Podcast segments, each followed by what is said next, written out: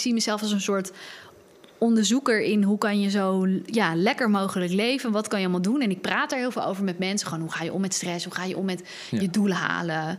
Eh, hoe ga je om met spiritualiteit of met energieën om je heen? Eh, hoe zorg je ervoor dat je geen e- energie lekt? Hè? Soms heb je met bepaalde mensen dat je praat en dat je daarna denkt: jeetje, wat ben ik moe. Nou, al dat soort gesprekken en al die inzichten die ik daarin krijg. Dat is wat ik deel. Dus dat is ook waar Sunny Zoekt Geluk over gaat. Leuk dat je weer kijkt of luistert naar deze nieuwe aflevering van de Podcast of Hoop. Vandaag hebben we in de studio presentatrice en geluksinfluencer Sanny Verhoeven. Ze gaan het hebben over intuïtie, mediteren en het herprogrammeren van je denkbeelden. Podcast of Hope. Moving towards happiness. Nou, leuk dat je er bent. Ja, leuk om hier te zijn in jullie prachtige studio. Ja, dankjewel. Ja, ik vind het echt. eh, Hij is mooi, hè? Ja, nou echt. Ik vind het echt. Oh nee, dat zijn jullie niet of wel? Ja, dat zijn wel. Ja, Nee, het is echt met heel veel zorg en aandacht eh, ingericht. Vind ik leuk. Het is een beetje een huiskamertje. Ja? Ja, leuk. Yes, nu al. Ja, precies. Ja. Nee, maar onze podcast gaat over geluk. En jij maakt serie, Sanny is op zoek naar geluk. Mhm. Heb je het geluk inmiddels al gevonden? Ja, eh, natuurlijk is het altijd de meest gestelde vraag. Eh, ja, ik heb, het, eh, ik heb het al lang gevonden en ik denk ook vaak na over die naam. Sonny zoekt geluk. Het is waar mensen me nu wel echt van kennen. Als ik me ook voorstel, dan zeggen mensen ook... hey, je bent Sonny zoekt geluk, toch? Ja. Dus ze denken bijna dat het mijn achternaam is. Eh, aan de ene kant eh, zou je kunnen zeggen... heb ik het echt al lang gevonden? Aan de andere kant blijf ik altijd doorzoeken. Het is gewoon mijn passie om te kijken naar... wat kun je allemaal doen om je leven zo optimaal en gelukkig mogelijk te leiden? Dus wat zijn, wat zijn de kleine dingen, de, de, de tips, de tricks die je eigenlijk elke dag zou kunnen doen om je zo goed mogelijk te voelen en zo zelfverzekerd mogelijk? Het gaat nu En- eigenlijk het geluk voorbij, dus. Ehm, nou, voor mij is je heel zelfverzekerd voelen. En bijvoorbeeld time management heeft voor mij ook voor een heel groot deel met geluk te maken. Dus dat ik niet het gevoel heb dat ik word geleefd, dat ik iedereen's andere afspraken moet doen, maar dat ik zelf echt bewust kan kiezen: oké, dit is nu waar ik mijn aandacht en mijn energie aan besteed. En dat, als ik dat, zeg maar, ehm, die autonomie heb en die kracht, dan voel ik me dus ook gelukkiger. Dus dat heeft er ook zeker mee te maken. En eh, ja, persoonlijke ontwikkeling, dat is gewoon echt mijn passie. Dus ik lees ook nog steeds heel veel zelfhulpboeken. Als er weer wat nieuws is, eh, dan wil ik dat toch weer lezen. En vaak is het een boodschap die je dan eigenlijk wel kent, maar net in een ander jasje of met hele leuke, interessante wetenschappelijke onderzoeken. Dus in die zin blijf ik zeker altijd wel eh, zoeken daarnaar. Plus, ik denk in elke fase in je leven verandert het. Toen ik moeder werd, was mijn geluk ver te zoeken. Ja, wel qua met mijn kind. Dus ik was super Ja. dankbaar dat ik moeder eh, was geworden. Maar ik was mezelf helemaal kwijt. Ik had, eh, ik, zeg maar, die kracht die ik daarvoor ehm, wel heel erg ervaarde, die was ik verloren eigenlijk. Ja, je gaat ook door omdat het geluk weer weg kan vagen, eigenlijk. Ja, het is, een, het, gaat, ik, het is natuurlijk ook niet. We streven allemaal heel erg naar in balans zijn, maar eigenlijk bestaat dat natuurlijk helemaal niet. Leg eens uit. Ja. Nou ja, eh, een balans heeft eh, een, een hoog en een boven en een beneden. Hmm. En ehm, het voelt heel lekker als we zeg maar in het midden zitten. Maar het, is, eh, ja, het wiebelt altijd, dan de ene Ja. kant, dan de andere kant. Dus als ik op werkgebied heel erg lekker ga en hard en het gaat goed... en ik heb, eh, draai mooie omzet en ik kan veel mensen inspireren en ik ben druk... ja, dan weet ik al, dan gaat het privé eigenlijk automatisch iets minder... want ik ben gewoon minder aanwezig thuis. Ja. Dus dat is, zeg maar, we zoeken naar een soort van ideale balans... maar tegelijkertijd denk ik dat het ook niet heel realistisch is. En dat het ook prima is om te accepteren dat je soms het ene vlak in je leven laat floreren en dan weer het andere vlak. ja, dat is eigenlijk ook wel gewoon een soort van balans, toch? Ja, zou je ook kunnen zeggen. Ja. Ja. Ja.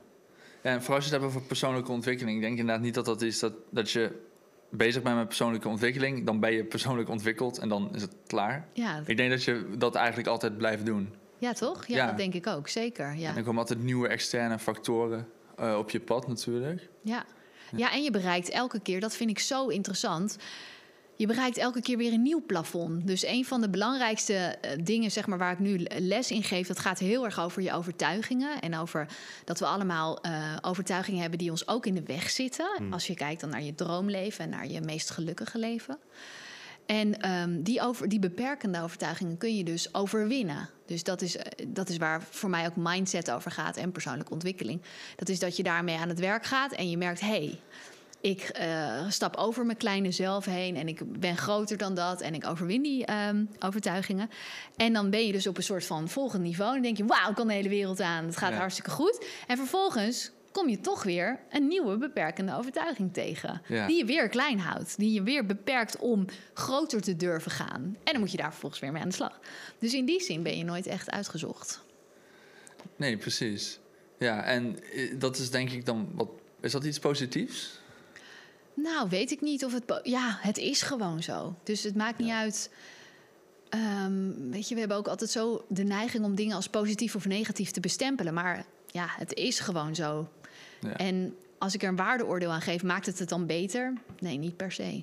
Nee. En wat voor zelfontwikkelingsmethodes ben je op het eh, spoor gekomen? Wat, wat gebruik je? Ja, ehm, nou, voor mij is het allerbelangrijkste in mijn leven en wel, waar ik mensen ook mee help, is nu wel ook echt meditatie.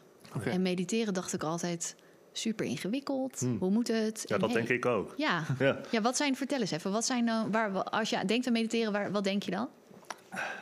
Gewoon even eerlijk. Nou ja, al- als ik aan, als ik aan het woord mediteren denk, Ja. dan zie ik meteen een, een monnik ergens op een berg voor me die, die oom zegt, bijvoorbeeld. Ja, ik, ik mediteer wel vaak, dus ik hoop, Oh, als, zolang ik het goed doe, dat ik wel een, een realistisch beeld heb van wat mediteren is. Denk ik. maar hoe, hoe doe je dat dan? Eh, ja, ik ga dan gewoon een soort van anker zoeken, heet dat volgens mij. En dat is dan bij mij mijn ademhaling. Eh, of geluid in mijn kamer. En dan ga ik daar een soort van...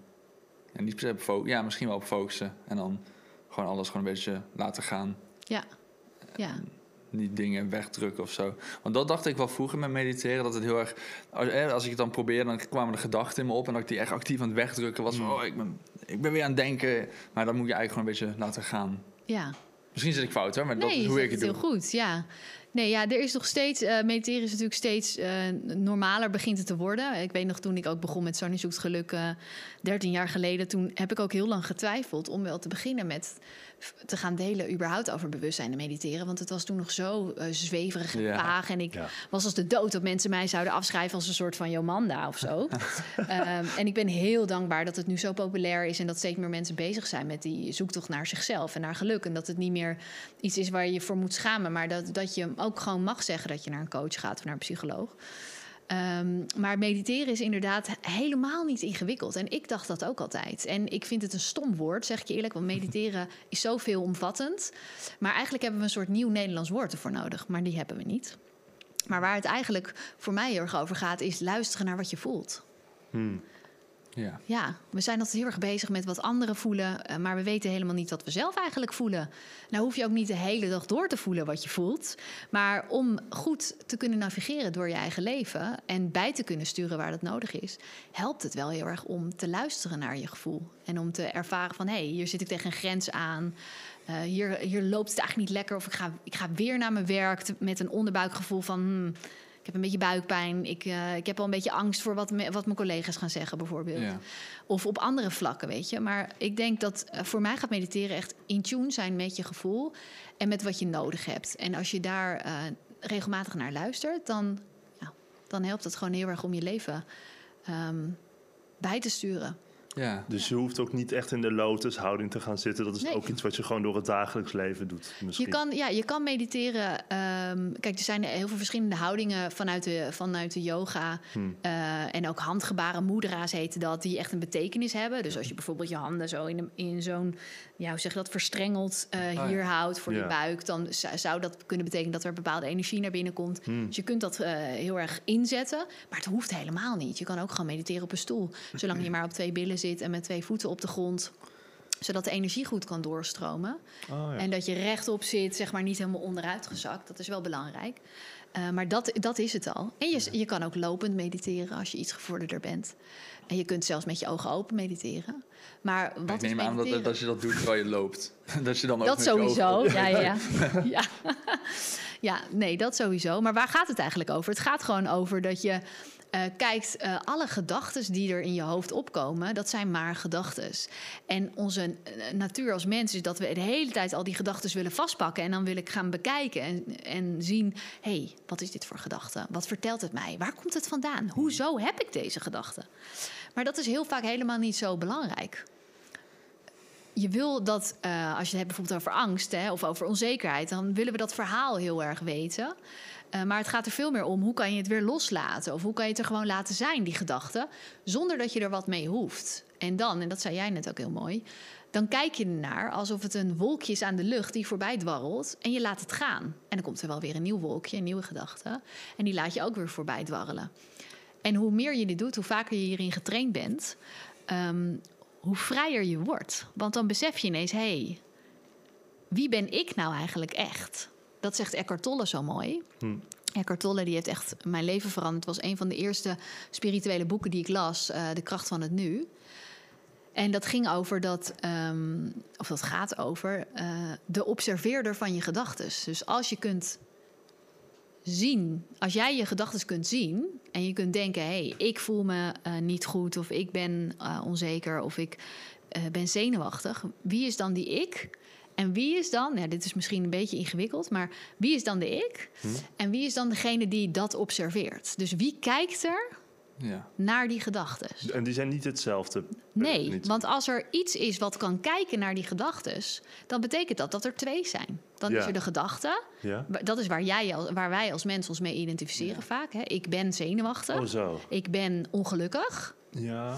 Maar als er ook een ander iets is wat daar naar kan kijken, dan, is, dan zijn er dus twee. Hm. Dan is er dus een observeerder en er is een gedachte. Klinkt logisch, ja. Ja, als je het zo zegt. Nou, Eckhart Tolle, dit is Eckhart Tolle's levenswerk. En voor mij opende dit zoveel deuren. Want ineens, uh, ik was lang geleden op zoek dus naar geluk. En ineens besefte ik, oh, al die vooral onzekere gedachten die ik had, um, die kon ik stoppen. En, en dan kom je dus bij je ware zelf. Ja, precies. Ja, ik kan me inderdaad voorstellen dat het nuttig is als je dan die gedachte hebt van... Uh, ja, ik ben bang, ik ben angstig. Zo van, ja, ik, ik ben niet die gedachte. Ik, het zijn twee aparte dingen. Het, het, het, het komt gewoon voor je, maar je identificeert je niet met, met die gedachten. Ja. Maar betekent dat dus ook dat je dan niet meer bang bent? Uh, het betekent dat je kan zeggen, er wordt angst gevoeld. Dat is ook zo'n trucje om er zeg maar afstand van te nemen. Ja, oh ja. Um, ja. Het is eigenlijk een manier om die gedachten je niet per se te laten leiden. Of ja, te laten grijpen. Ja. ja, want als je dus je gedachten jou laat leiden, dan ben je dus de hele dag een soort slaaf van je gedachten. Ja. En het ergste is, die gedachten die jij denkt, dat is niet per se de realiteit. Je krijgt ook heel veel gedachten in je hoofd omdat je reclames ziet. Hè? Door, door een, een, een vrouwentijdschrift te lezen, word ik automatisch onzeker. Want ik besef me eens, oh, ik heb niet goede kleren, ik heb niet een goede tas, ik heb niet een goede figuur. Weet je wel, dat, dat is wat er vaak gebeurt als, je een, als je een tijdschrift leest. Dus al die gedachten worden als het ware in mij gestopt, zo voelt het. Hmm. Maar het is niet wie ik in wezen ben. Dus wie je in wezen bent, die, die stilte, die rust, dat is wat ik en wat eigenlijk heel veel mensen die mediteren voel als ik mediteer. Dat is mijn ware, dat is de ware Sunny. Ja. En dat is ware liefde. En daar voel ik me gelukkig. En daar ben ik dankbaar. En daar voel ik me verbonden met iedereen. Dat is gewoon mijn, mijn heaven, zeg maar. Dat klinkt wel als iets wat ik zou moeten proberen, ja. Zeker. en het mooie is, het is dus niet zo ingewikkeld. Want ik dacht altijd dat het heel ingewikkeld was. Ja. En dat je dan heel, uh, heel lang zonder gedachten moest zijn. Maar dat, is bijna, dat kan helemaal niet. Ja, het is ook zoiets waarvan ik altijd denk... je hebt daar jaren aan training voor nodig. Dat hoeft ook niet. Het is wel zo dat als je het voor het eerst doet, dat, dat je hoofd alle kanten op gaat. Want Ja. je wordt je dus ineens bewust van al die gedachten. En eh, dat, het is normaal. En het kan ook zijn dat je. Ik heb ook nog steeds wel eens dat ik mediteer en dat ik denk: wow, heb ik überhaupt gemediteerd? Ik was alleen maar aan het nadenken over dingen. En dan kwa- kwamen er weliswaar allemaal creatieve ideeën, want dat kan dan ook. Ja. Want wat er vaak gebeurt als je gaat mediteren, dan breng je jezelf, eh, je hersens in een lagere hersenfrequentie, in de theta-staat. Eh, en dat is één eh, hersenfrequentie boven de staat waarin je slaapt. Dus eh, je moet het zo zien, vlak voordat jij in slaap valt, dan is je hersenfrequentie is zo laag, het is zo rustig eigenlijk in je hoofd. eh, dan ben je op die theta-golf. Oké. En dat is ook op het moment vlak voordat je wakker wordt. En in die staat van zijn kom je ook als je langer mediteert. Dus niet zozeer langer als in jaren, maar als je, laten we zeggen, Ja. vanaf een kwartier dat je Oh, mediteert. zo, lang in de Dus in drie ja. minuten meditatie ga je daar niet Nee, komen. nee. Maar wel in een kwartier, à een half uur. En die staat van zijn, dat is ook echt een hele magische plek. Want daar ben je in contact met je onderbewustzijn. Ja. Daar ben je in contact met je intuïtie. En ons gedrag wordt voor 95% gestuurd vanuit onbewuste gedachten en vanuit onbewuste patronen. Dus als jij contact wil, als jij jezelf wil veranderen en je wil je gedrag veranderen en je wil vooral je gedachten over jezelf veranderen, dan is het heel fijn om ergens verbinding te maken met, die, met dat onderbewustzijn. En daar, in die meditatie, kun je dat dus gaan ja, ik wil eigenlijk zeggen manipuleren, maar dat klinkt zo negatief. Maar het is het eigenlijk wel. Want je kan daar heel bewust dankbaar gaan zijn. Je kan daar heel bewust Ja. affirmaties doen. Om jezelf als het ware eh, te herprogrammeren om, eh, om positiever te worden over jezelf. Maar het is dus wel mogelijk om daarmee dingen uit het onderbewustzijn te veranderen. Ja, Oké. En daarvoor, kijk, eh, dan moeten we even gewoon een concreet voorbeeld pakken. Een overtuiging die heel veel mensen hebben, ehm, dit is ook een oefening wat wij doen met heel veel van onze cursisten, is ik ben niet goed genoeg. En dat werkt door op heel veel vlakken in je leven. Dus je kan voelen, ik ben niet goed genoeg voor eh, mijn geliefde, hè? Eh, ik ben niet goed genoeg voor in mijn werk. Ehm, ik, ik, ik mag mezelf niet laten zien. Dat is ook een vorm van ik ben niet goed genoeg. En als dat een overtuiging is waar je bent achtergekomen, dan kom je natuurlijk ook niet zo 1, 2, 3 eh, achter, maar dat, dat, dat is wel een overtuiging die veel mensen hebben. Dan doet het er even niet toe waar het vandaan komt. Dus leuk om te ontdekken waar het vandaan komt, maar dat is eigenlijk niet wat jou verder gaat helpen. Je hebt gewoon die overtuiging, ik ben niet goed genoeg. Nou, in mijn geval, mijn beperkte overtuiging was heel lang, ik ben niet goed genoeg om eh, een spreker te zijn. Om een betaald spreker te zijn over geluk. Want ik had allerlei overtuigingen. Dat je daarvoor eerst eh, psychologie gestudeerd moet hebben. Eigenlijk ook een soort van professor moet zijn. Dat je alle zelfboeken moet hebben gelezen. Dus ik vond mezelf eh, dat ik daar niet goed genoeg voor was. Ik vond mezelf ook niet goed genoeg om een betaald online programma te maken. Ik dacht, ja, ik geef nu gratis video's op YouTube over geluk. Ik inspireer daar honderden, duizenden mensen mee. Hartstikke leuk, maar ja, geld ervoor vragen, dat is wel wat anders. Dus die overtuiging heeft me heel lang tegengehouden om daadwerkelijk te gaan voor wat ik echt wilde. En ik voelde in mezelf, mijn intuïtie schreeuwde: ga dit doen, ga spreken, ga groter denken, houd jezelf niet klein. Ja. Dat zei mijn intuïtie. Maar mijn mind, die zette daar gewoon een stopbord voor. En die zei, ja, ho, ho, dat gaan we niet doen. Je, gaat, eh, je wordt al omgehakt, weet je wel. Dat, dat is gewoon onveilig. Dus ehm, ja, vanuit mijn ego, ja, die wil mij gewoon klein houden van- vanuit veiligheid. Dat is heel normaal. Toen ik erachter kwam dat ik deze overtuiging had... en dus ontdekte dat het me heel erg in de weg staat... om te gaan voor mijn droomleven... ben ik daar actief mee aan de slag gegaan. Ben ik eh, mijn, mijn overtuiging gaan herprogrammeren. Dat is iets wat vanuit de NLP komt. En eh, dat? NLP, eh Neuralistic Programming. Dat is NLP.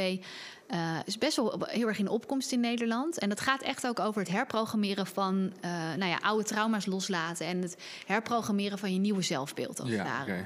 ja, als je het gek zou zeggen, zou je kunnen zeggen brainwashing. Maar dat doe je dan bij jezelf. Ja. Ja, ja, precies. heel positief brainwashing. Ja, positief Ja. brainwashen. Ja. En dat kan je dus doen onder andere door heel erg eh, eh, duidelijk te besluiten dat je niet langer gaat leiden door je beperkte overtuigingen. Mhm. Eh, en door nieuwe overtuigingen die je wel wilt geloven, te kiezen en te gaan praktiseren. En dat is, ik ben in mijn geval, ik ben wel goed genoeg en ik kan een spreker worden. Want ik heb al heel veel kennis in me die ik kan delen. En daar kan ik mensen mee helpen. En nee, ik heb niet alle kennis over geluk van de wereld. Dat zal ik ook nooit krijgen. Maar ik heb waarde te bieden. Dus ik kan het. Dus zo ga je jezelf dan ga je op jezelf inpraten als het ware. En dat doe je door middel van affirmaties. En een affirmatie, dat is de woord, dat komt uit het Latijn van affirmare. En dat betekent krachtspreuk. En eh, dat is gewoon, dan kies je één zin die jou heel erg helpt, bijna een soort mantra. En dat herhaal je een paar keer per dag. Hmm. En het belangrijkste is dan dat je je daar ook dat je dat echt gaat voelen. Dus dat je het niet alleen maar zegt in je hoofd, want dan gebeurt er niks. Nee. Maar dat je echt steeds meer gaat geloven. En naarmate je dat dus vaker doet, ga je het ook steeds meer geloven. En zo ga je jezelf als het ware zelfverzekerder herprogrammeren. En zo'n zin is heel concreet. Dat is bijvoorbeeld, Super. ik ben wel goed genoeg. Ja. Zoiets. Ja, het, is, het begint altijd met ik. Sowieso als je een overtuiging bij jezelf of bij een ander wil eh, ontrafelen. Bijna alle zinnen die beginnen met ik ben, Ja, zijn overtuigingen. ja in- inderdaad. Ik ben. Ja. Dus een affirmatie begint ook bij ik ben. Ja, als in het in is een nieuwe overtuiging die je in jezelf Ja. wil plannen. Oh ja. Ja. en je zet het dan in, in de tegenwoordige tijd. Ehm, dus het is niet, ehm, ik hoop dat ik eh, Nee, een boek ga schrijven. Of. Ja. ik ga een boek schrijven. Ja. is ook niet goed, want je gaat het niet. Ik ben een schrijver. Oh zo. En je voelt het verschil als je zegt ik ga een boek schrijven. Dat voelt heel anders Ja. dan dat je zegt ik ben een schrijver. En ook al ben je nog geen schrijver, als je dat gewoon gaat herhalen en je gaat er ook actie op voeren, dus je gaat bijvoorbeeld elke dag proberen om in ieder geval één pagina tekst te schrijven, dan door middel van training wordt dat steeds meer jouw realiteit. Het doet me heel erg denken aan toen ik eh, probeerde te stoppen met roken. Toen was het ook niet zo dat ik moest zeggen: ik, ik eh, stop met roken, maar gewoon ik ben geen roker. Ja, Dus niet want ik dat probeer is te stoppen met roken. Ja, precies. Ja. En als je dat gewoon inderdaad elke keer gaat herhalen als je zin hebt om te roken. Van ja, ik ben geen roker, dus ik, Ja, dan eh, het, het, heeft heel gewerkt. goed dus, voorbeeld. ja. Ja, want precies op die manier, heel veel mensen die niet roken of zichzelf niet bestempelen als roker, maar wel een gezelligheidsroker Eh, zijn, ja. die gaan altijd roken op het moment dat het gezellig is. Want er komt wijn op tafel en dan gaan ze even roken, want het is wel gezellig. Ja, want ik en die ben hebben een dan, ik ben een gezelligheidsroker. gezelligheidsroker, Ja, maar ja. ben je nog steeds een roker. Ja, dus de eerste stap is daarin, eh, omdat... eh, een ander voorbeeld die, die we ook hadden met een deelnemer, eh, dat vond ik ook zo mooi. Zij had altijd problemen met haar gewicht. Ze was altijd te zwaar. En het lukte er maar niet om af te vallen. En ze had alle diëten geprobeerd en niks lukte. En toen zijn we gaan kijken van, heeft het misschien... zit er een overtuiging achter die toch iets met eten dat het jou iets brengt. En eh, toen zijn we dat gaan onderzoeken en hebben we dan allemaal vragen voor. En toen kwam ze erachter dat zij, eh, zij is Italiaans. En ja, als je uit Italië komt, dan ben je iemand die houdt van eten, Ja, familie. ja, ja. Het is je identiteit om heel veel en lekker en vaak te eten. En je bent een Bourgondier, weet je. Je houdt daarvan. En zij had eigenlijk bij het afvallen... had ze heel erg een andere identiteit er tegenover gezet. Namelijk van iemand die nooit meer gezellig eet. Iemand die... Ze had eigenlijk omgekeerd zichzelf hergeprogrammeerd. Ze had heel veel negatieve gevoelens en gedachten gekoppeld aan diëten. Eh, plus, ze dacht, ja, ik ben nou eenmaal iemand die veel eet. Ja. Ja. en als dat jouw overtuiging is, kan je alle diëten gaan proberen. Ja, maar ja. gaat niet werken. Dus ze moest dat gaan aanpakken. En toen is het wel gelukt om af te vallen. Ja, in, in jouw situatie, jij zei eh, dat je intuïtie zei dat je wel goed genoeg was, toch? Eh, Ja, ja. alleen de overtuiging niet. Ja ik voelde vanuit mijn intuïtie. Ja. eh, sowieso als je heel erg. Dat vind ik ook zo tof van hoe intuïtie werkt. Eh, het komt gewoon tot je op allerlei. Intuïtie wil er altijd uit. Dus als, het, als je er niet bewust bij stilstaat, dan ga je erover dromen. Of dan komt het plotseling in je op onder de douche. En eh, bijvoorbeeld het idee van mijn YouTube-kanaal was ook zoiets. ehm, het ontstond ooit in mijn hoofd van, nou, dit is echt een leuk idee. Ik ga eh, programma's maken over geluk. Dat is er nu nog niet, niet op tv, niet online. Dat ga ik doen. Maar vervolgens kwamen daar ook weer allemaal beperkende overtuigingen van... ja, wie zit daar nou op te wachten? En dan ga ik het zeker zelf doen en ik heb helemaal geen geld. En wie gaat het produceren en wie gaat het regisseren en wie gaat het filmen? Ja. Allemaal, hè? Zo werkt het met alles. Als je iets wil, dan komen als eerste alle excuses Ja. en alle maren komen naar boven. Dus ik, hield, ik, ik, eh, ik stelde uit en ik stelde uit en ik stelde uit. Maar ik bleef dromen. Ik, ik kreeg gewoon, eh, niet elke nacht, maar wel echt heel vaak... bleef ik die droom hebben van... hallo, ja. gaan we het doen? Dit is een goed idee. Het was gewoon een ingeving. En dat is vaker toch hoe, hoe intuïtie werkt. Ja, dus dat is dan Ja. misschien hè, je onderbewustzijn die zegt van luister Ja, naar. Ja, je luister ware, ik zie dat als je ware zelf die praat tegen jou. Je, je ziel vertelt jou wat jouw weg is, wat jouw missie is. Ja. Die stuurt jou. Dat is wie jij echt bent. Ja, als dat, en als het dan echt vaker op blijft komen, dan kan je wel concluderen dat het een goed idee is, denk ik. Ja, Ja. ja. En dan weet je eh, dat er altijd beperkingen zullen komen. Maar dan is aan jou de vraag: hoe krachtig ben je om je te laten tegenhouden door jezelf? Of Ja. ga je ervoor? Maar die beperkingen lijken me ook niet alleen maar slecht. Want het is misschien wel een manier om. Stel, het is een slecht idee om het een beetje te filteren. Je moet ook niet alles, denk ik, doen wat in je intuïtie Nee, ik denk dat het heel goed is om eh, te beseffen van, nou ja, oké, eh, sowieso. eh, ehm, ik denk dat het altijd goed is om naar je gevoel te luisteren. We mogen veel meer naar ons gevoel luisteren, want we zijn een hoofdmaatschappij. Maar het is, je moet je hoofd niet uitzetten. Hoofdmaatschappij. Je, ja, je verstand is ook gewoon erbij nodig. Ja. Alleen het mag wat meer gaan samenwerken. En Ja. het, vers- het, het, het hart en het gevoel is altijd ondergeschikt aan het hoofd. Dat leren we op school al. Dat, krijgen, dat is wel gewoon wat we leren. Ja, Wij nemen het niet serieus. hoofd Ja.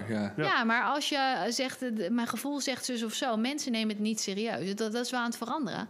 Maar dat, dat mag veel meer gaan komen. Want uiteindelijk is wat, je, wat jouw waarheid is, wat werkt voor jou en wat jij het allerleukste vindt, dat vertelt jouw gevoel. En daar kan niemand anders wat over Ja. zeggen.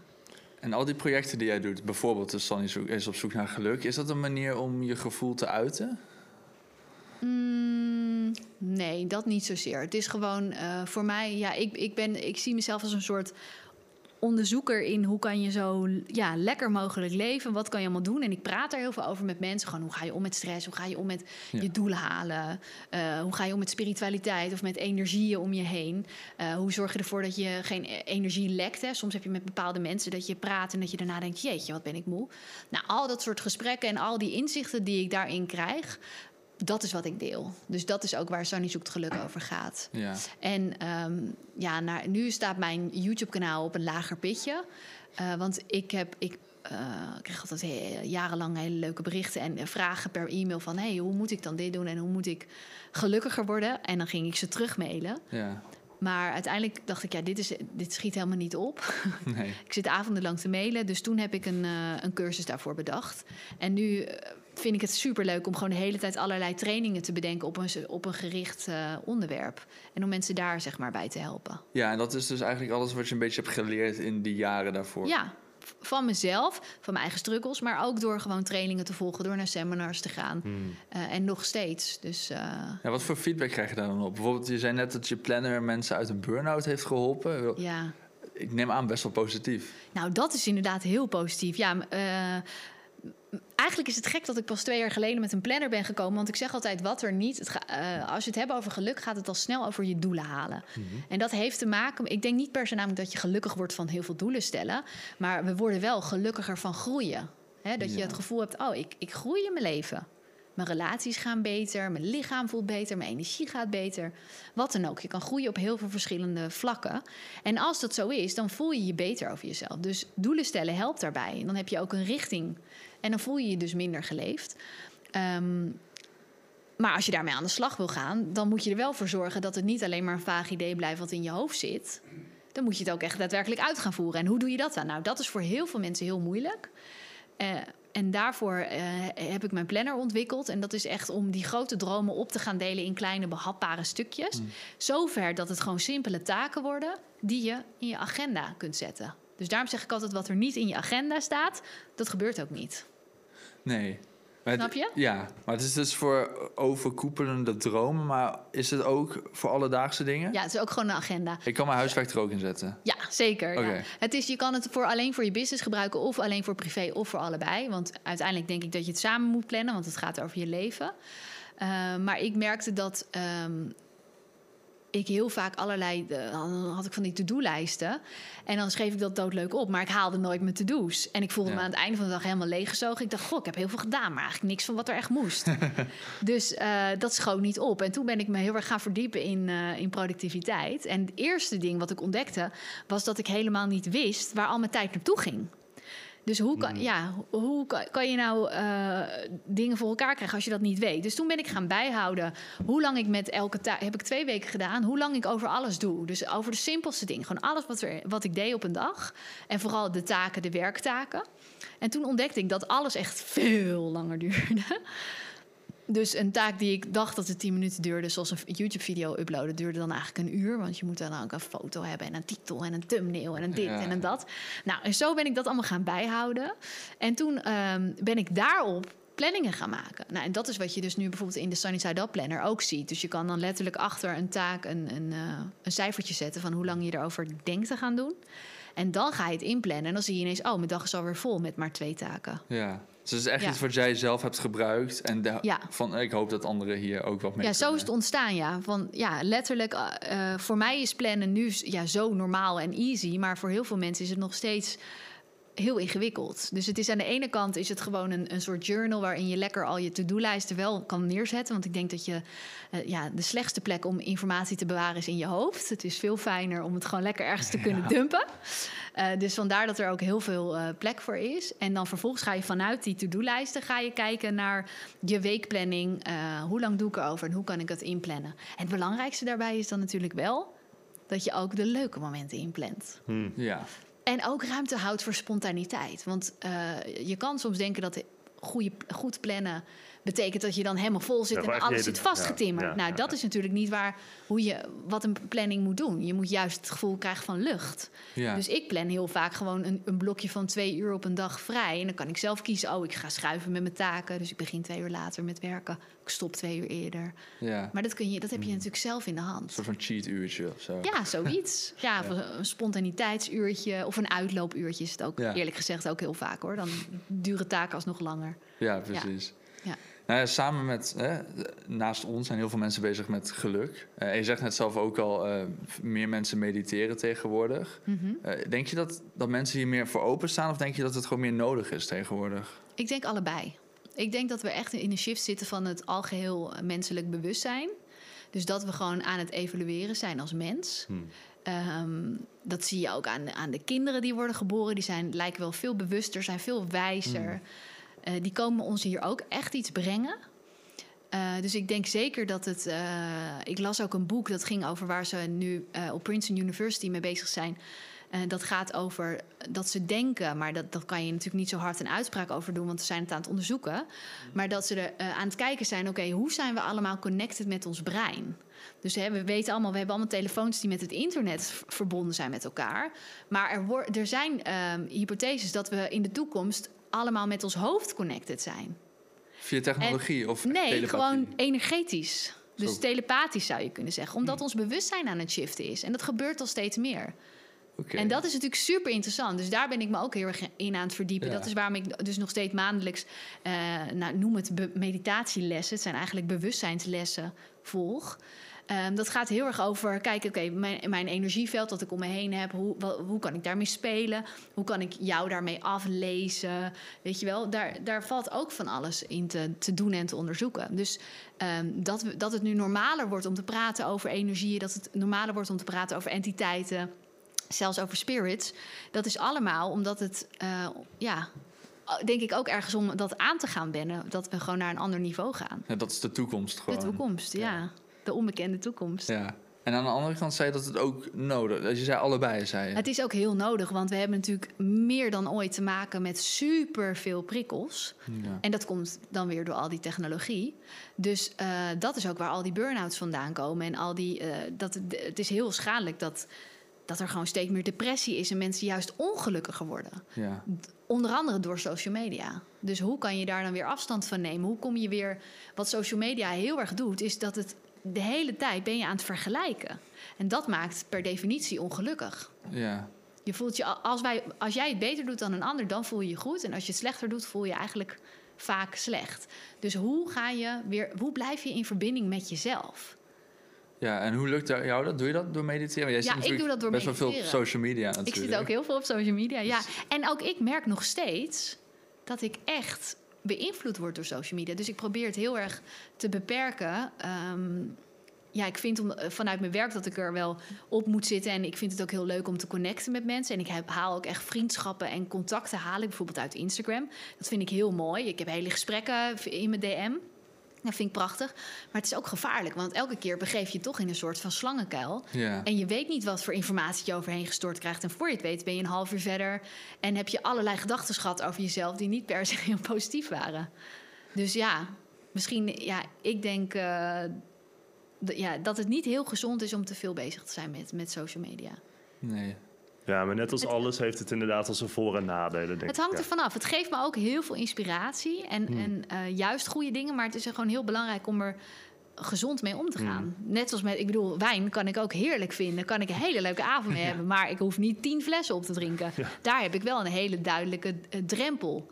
Maar bij social media is die drempel gewoon moeilijker te voelen. Ja, het- gaat om het gebruik in mate, inderdaad. Ja. Ja. Ja. Dus ik denk wel dat het, eh, ja, dat het fijn is om dat lijntje met jezelf en die echte connectie met je diepere zelf te blijven voelen. En voor mij is dat dan meditatie. Voor andere mensen is dat de hond uitlaten.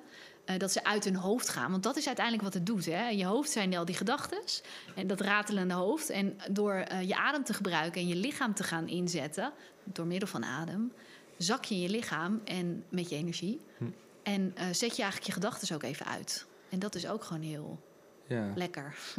Ja, ik, wat ik zelf dan soms doe, ik krijg best heel snel overprikkeld. Bijvoorbeeld als ik in de trein zit of zo. En dan ga ik niet echt mediteren in zo'n staat komen waar jij het net Nee. over, eerder over had. Maar De dan gamma. doe ik wel gewoon een soort van een Lidl-meditatie. Het is wel even tot mezelf komen en Ja, even... vind ik mooi dat je dat zegt, ja. Ja, en dat, dat, dat helpt wel. Gewoon Ja, even... mega toch? Ik doe altijd gewoon oordop in. Ja, Dus als ik in drukke plekken ben, heb ik van die eh, speciale oordopjes. Die, eh, sowieso heb ik er ook oordoppen voor met muziek of Ja. met geluid. Maar ook gewoon normale oordoppen. En dan eh, Oh. zit ik in mijn eigen soort van bubbel. oh, het is gewoon helemaal stil. Ja, gewoon echt. Ja, ja ik heb er Oh. verschillende oordoppen. Ik heb die waarbij ik wel kan praten, maar bij, waarbij de achtergrondtonen worden gedempt. Ja, ja. Eh, ik heb elke om mijn kinderen af en toe een beetje te dempen als ik overprikkeld thuis kom. En dan moet ik koken en dan staan ze allemaal aan mijn hoofd te tetteren. En dan komt ook nog Jorg, mijn man met wie ik samenwerk, komt ook nog even met wat facturen aanzetten en wat ideeën. En dan denk ik echt, ah! Nou, dan zet ik soms gewoon even mijn oordoppen in. En dan hoor ik ze wel, maar dan is het nog wat rustiger. maar die overprikkeling, precies. Voor me. Gewoon Ja. iedereen die tegen jou aan het blaren is... en jij staat er gewoon met een big smile niet te luisteren. Ja, ik, ja, Jorg heeft het ook hoor. Die doet ook gewoon zijn oordop in. Dan luistert hij naar een leuke podcast. Maar dan zeg ik Jorg, Jorg. En dan reageert hij gewoon niet. maar dat is gewoon even zijn me-time momentje. Ja, precies. Ja, dat is wel belangrijk. Gewoon ook even te ontladen. ja. Plaats Ja. alleen maar vol te stoppen. Ja, want het is zo'n druk... Ja, het voelt zo cliché als ik dit soort dingen zeg, maar het is zo'n drukke tijd. Ja, nou ja, dat, dat herkennen we denk ik allemaal wel. Daarom is het ook gewoon goed om af en toe gewoon alles uit te zetten... en lekker de natuur in te gaan. Ja, precies. Ja, nou, wat wij bij Hoop XXL willen is dat, we, dat iedereen aan het eind van de eeuw zijn leven met een 8 kan beoordelen. En vaak vragen we onze gasten van, hé, hey, welk cijfer zit jij nu ongeveer? Nou, vind ik een leuke vraag. Toevallig weet ik het heel goed, want ik had er laatst over nagedacht. Ik zit op een 10. Op een 10? Ja. Dan ben je denk je de eerste. Ik denk dat ik voor het eerst in mijn leven Ja. op een 10 zit. Oh, Ja. Ja. ja, je bent ook de eerste gast die op een 10 zit. Ja, Ja. inderdaad. Nou, sowieso is Nederland heeft natuurlijk wel een beetje zo'n cultuur van dat we niet zo snel onszelf een 10 geven. Ja, toch? gewoon lekker Ja, dat nuchter. is het, eh, ja. Ja. lekker nuchter. Nee, maar ik vond het wel een heel erg mooi besef. Wat ik echt, eh, nou ja, letterlijk voor het eerst dat ik mezelf een 10 geef. Maar dat ik echt dacht van wauw. Op dit moment voelt het gewoon echt heel erg goed in mijn leven. En dat zegt niet dat ik geen doelen heb of dat ik, eh, weet je wel, ik, ik heb nog steeds stress en ik ben nog steeds ook wel eens moe. Maar ik ben nu wel heel tevreden. Iedereen zegt altijd, ik geef mezelf geen 10, want er moet nog wat ruimte zijn voor verbetering. Ja. Maar er is bij jou geen verbetering meer nodig. Er is zeker verbetering, maar ehm, toch geef ik mezelf wel een 10. Want het, is, al- het, is niet, het hoeft niet perfect. Hmm. En bij een 10 denk je misschien aan dat alles perfect is. Maar ik ben ook oké met dat sommige dingen nog niet goed genoeg zijn. Of nog meer mogen. Ja. Ja, dat is het Het voelt op dit moment ja. gewoon heel erg goed. Ja, gewoon, ja precies. Ja. Ik voel me nu gewoon echt heel 100% Dik tien. gelukkig. Ja. Nou, ik ben heel blij voor je. Ja? Wat geven jullie jezelf dan nu? Oh, Vandaag van, oké, vandaar. of deze week, maar ik bedoel niet dit jaar. Oké, nou, dit, Het kan morgen weer anders zijn, hè? dat vind ik ook zo mooi. Hmm, ik denk van deze week gaat het heel goed. Dus deze week, ja, ik, dan zou ik misschien een 8,5 zeggen. En waarom nog geen 9? Ja, goeie. Waarom geen? hè? Ah, die vragen Waarom wij ook geen, altijd aan onze gasten. Ja, als ze ja. geen- maar wat Hij- is het komt dan- gewoon terug. En wat, wat, wat kan er dan nog beter in jouw leven? Ehm, wat meer gefocust. Wat meer de dingen doen die ik wil doen. Niet te veel ja, ik weet niet, rondloten. Ik weet niet hoe ik Ja. dat normaal kan Ja. zeggen.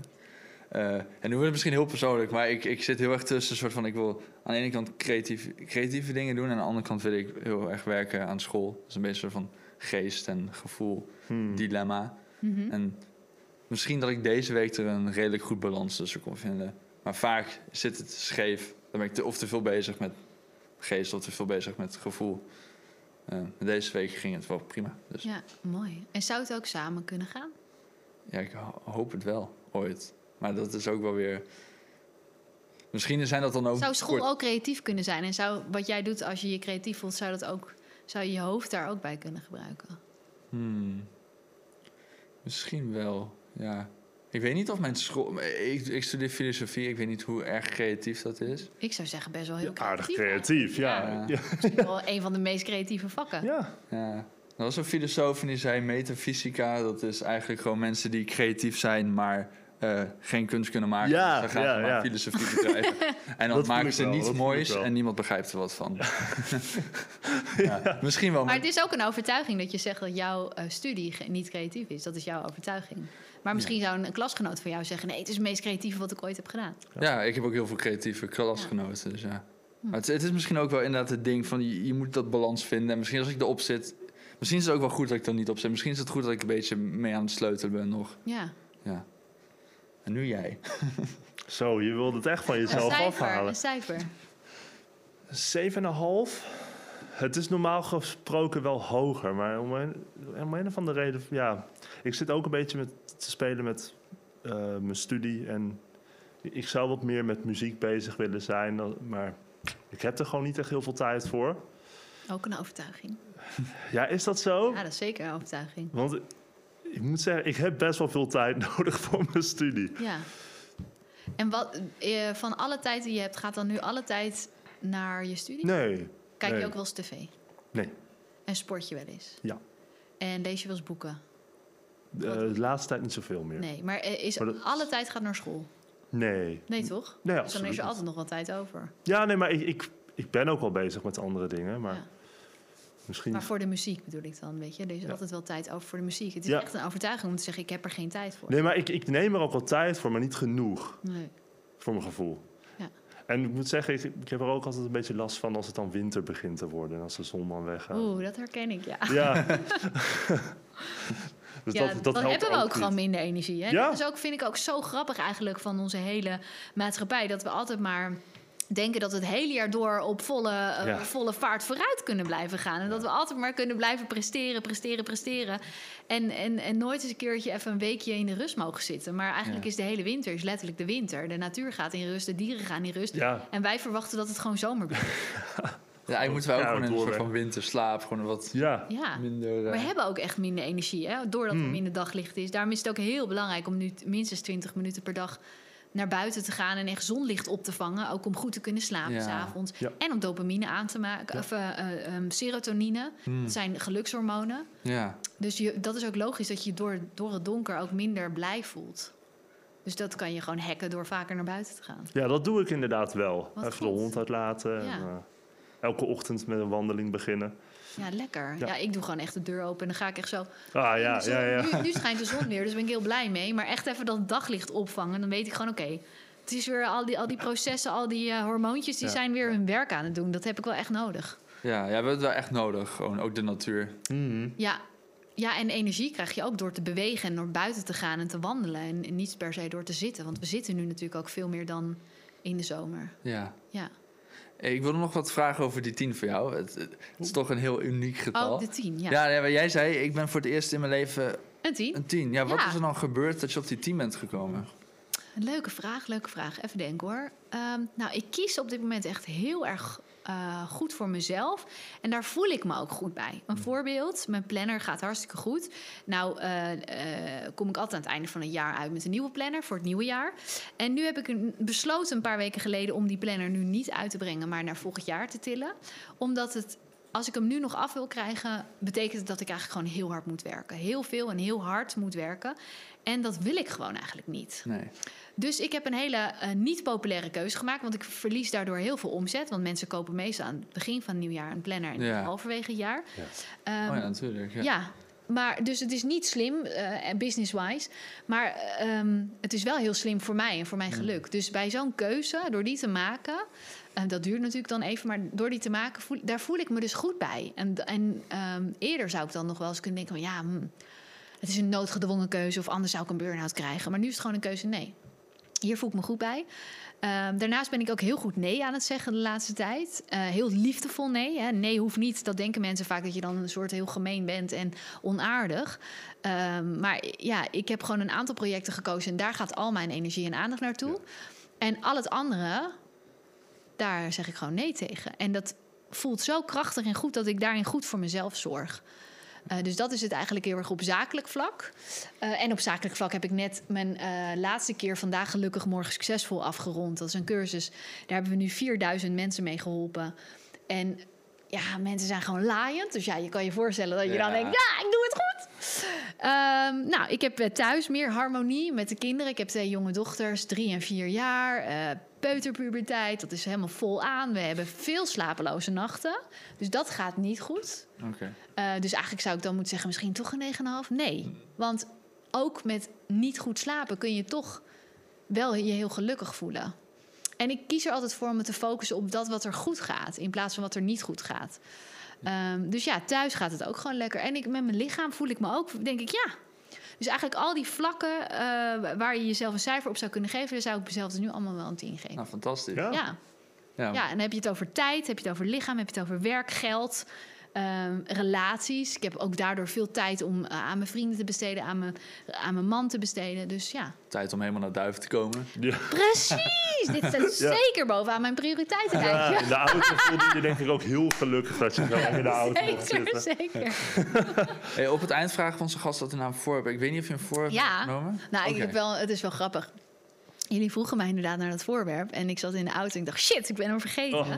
Maar eigenlijk past het wel heel erg erbij. Want wat wilde ik meenemen? Mijn meditatiekussen. Maar ja, Ja. mijn meditatiekussen heb ik helemaal niet nodig om te mediteren. Ik heb alleen maar mezelf nodig. Dus hier ben Ja. ik. Ik heb mezelf Ja. meegenomen. Je bent je eigen voorwerp? Ja, maar je komt... Kijk, voorwerpen maken niet gelukkig. Nee. Er is geen enkel voorwerp Nee. wat mij gelukkig maakt. Wat mensen gelukkig maakt.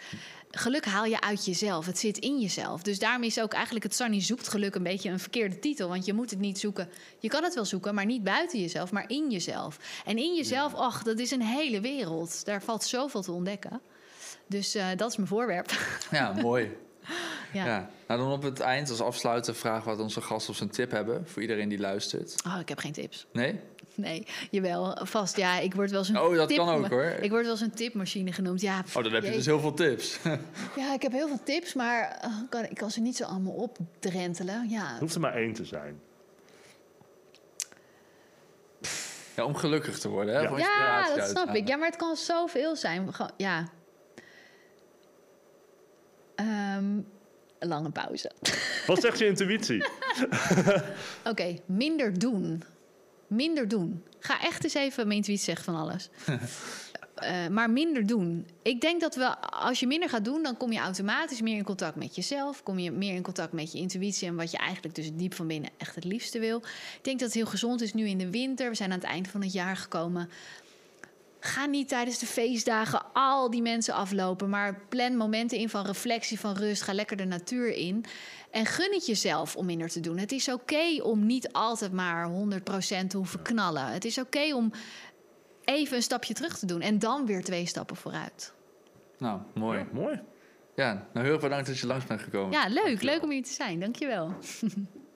Bedankt voor het kijken of luisteren naar deze aflevering van de Podcast of Hoop. We hopen dat je ervan hebt genoten of misschien wel geïnspireerd door bent geraakt. Iedere zondag om 10 uur komt er een nieuwe aflevering online op YouTube, Spotify en op al je andere favoriete podcast-apps. Ook kun je ons vinden op www.podcastofhoop.nl.